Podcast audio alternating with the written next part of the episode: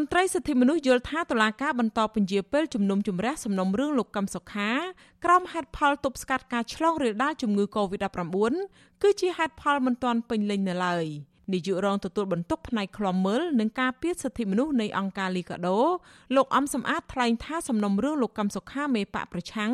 គឺជាសំណុំរឿងបែបប្រវត្តិសាស្ត្រមួយ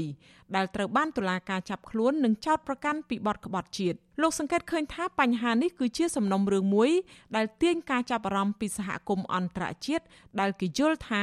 មានជាប់ជំពាក់ជំពិនទៅនឹងរឿងនយោបាយច្រើនជាងរឿងអនុវត្តច្បាប់ ការពន្យាពេលយូរគឺវាមិនជាការល្អទេវាអាចប៉ះពាល់ដែរទៅលើសិទ្ធិមួយចំនួនដូចជាអាដាមកម្មសខាហ្នឹងក៏បលាការមានការហាមឃាត់សិទ្ធិមួយចំនួនដែរអញ្ចឹងគួរណាស់តែមានការជំនុំជម្រះឲ្យបានលឿនដែរតាមការគួរដែលអាចរកពេលវេលាសមស្របណាមួយណាដើម្បីធ្វើកាត់ការកាត់ទៅហើយទី2ជាប្រវត្តិសាស្ត្រខ្មែរដែរយើងខ្ញុំឃើញតាំងពីឆ្នាំ1993មក ភាគច្រើនអ្នកនយោបាយច្រើនតែដោះស្រាយគ្នាតាមបញ្ហារឿងទំនោរនយោបាយណាអានឹងជាវប្បធម៌មួយល្អដែរប៉ុន្តែយើងសង្ឃឹមថាអ្នកនយោបាយខ្មែរទាំងអស់អាចងាករោគច្រកណាមួយដើម្បីសន្ទនាឬក៏ចរចាគ្នាតាមបែបនយោបាយដើម្បីធ្វើការចូលរួមអភិវឌ្ឍប្រទេសជាតិដែលគិតពីឧត្តមប្រយោជន៍ជាតិឧត្តមប្រយោជន៍ប្រជាពលរដ្ឋជាធំបាទតុលាការក្រុងភ្នំពេញបានផ្អាកសវនាការសំណុំរឿងលោកកឹមសុខារយៈពេលជាង1ឆ្នាំមកហើយក្រុមមេធាវីលោកកឹមសុខា បានដាក់ពាក្យស្នើសុំទៅសាលាដំបងរាជធានីភ្នំពេញឲ្យបើកសវនាការជំនុំជម្រះជាបន្តបន្ទាប់ប៉ុន្តែតុលាការតែងលើកហេតុផលទប់ស្កាត់ការឆ្លងរាលដាលជំងឺ Covid-19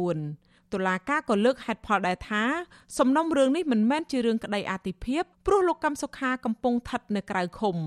ការដែលតុលាការផ្អឹបទុកសំណុំរឿងនេះគឺស្របទៅតាមការចង់បានរបស់លោកនាយករដ្ឋមន្ត្រីហ៊ុនសែនដែលបានថ្លែងនៅក្នុងកិច្ចប្រជុំបិទទ្វារគណៈរដ្ឋមន្ត្រីកាលពីខែសីហាឆ្នាំ2020ថាលោកចង់ឲ្យសំណុំរឿងនេះដំណើរការនៅក្រៅការបោះឆ្នោតឆ្នាំ2022និងឆ្នាំ2023ខាងមុខកាលពីដើមខែឧសភានេះ លោកកឹមសុខាអះអាងថាលោកធ្វើអ្វីៗដើម្បីខ្មែរទាំងការងារការទូតការតាក់ទងជាមួយមេដឹកនាំខ្មែរនៅក្នុងស្រុកនិងការចោះសួរសុខទុក្ខពលរដ្ឋមេបកប្រឆាំងដែលត្រូវរបបលោកហ៊ុនសែនបិទសិទ្ធិធ្វើនយោបាយរូបនេះមានជំនឿថាបើខ្មែរមានទុកត្រូវតែខ្មែរជួយខ្មែរហើយបើមានបញ្ហាក៏ត្រូវតែមានដំណោះស្រាយរវាងខ្មែរនិងខ្មែរដែរទោះបីជាកន្លងទៅ សហគមន៍អន្តរជាតិធ្លាប់ជួយដោះស្រាយយ៉ាងណាក៏ដោយ ទោះបីជាយ៉ាងណាអ្នកនាំពាក្យគណៈបកកាន់អំណាចលោកសុកអេសានធ្លាប់បានប្រាប់អាស៊ីសេរីនៅពេលថ្មីថ្មីនេះថាគណៈបកប្រជាជនកម្ពុជាមិនអាចជជែកជាមួយលោកកឹមសុខាបានទេព្រោះលោកកំពុងជាប់ក្តីក្តាំនៅតុលាការ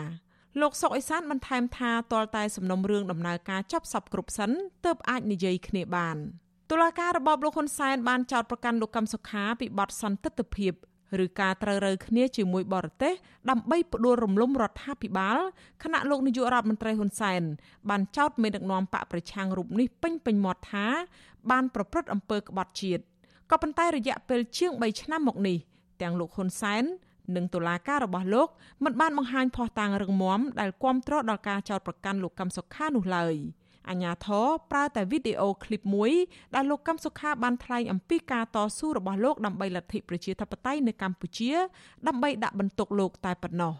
ក្រមប្រទេសប្រជាធិបតេយ្យអង្គការសង្គមស៊ីវិលជាតិនិងអន្តរជាតិព្រមទាំងទីភ្នាក់ងារអង្គការសហប្រជាជាតិផ្នែកសិទ្ធិមនុស្សនៅតែទទួលស្គាល់ថា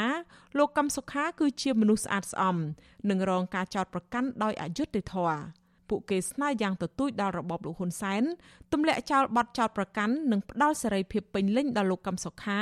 ដើម្បីឲ្យលោកបានចាប់ផ្ដើមជីវិតនយោបាយបានឡើងវិញដូចដើមចា៎នាងខ្ញុំខែសុណងអាស៊ីសេរីរាយការណ៍ពីរដ្ឋធានី Washington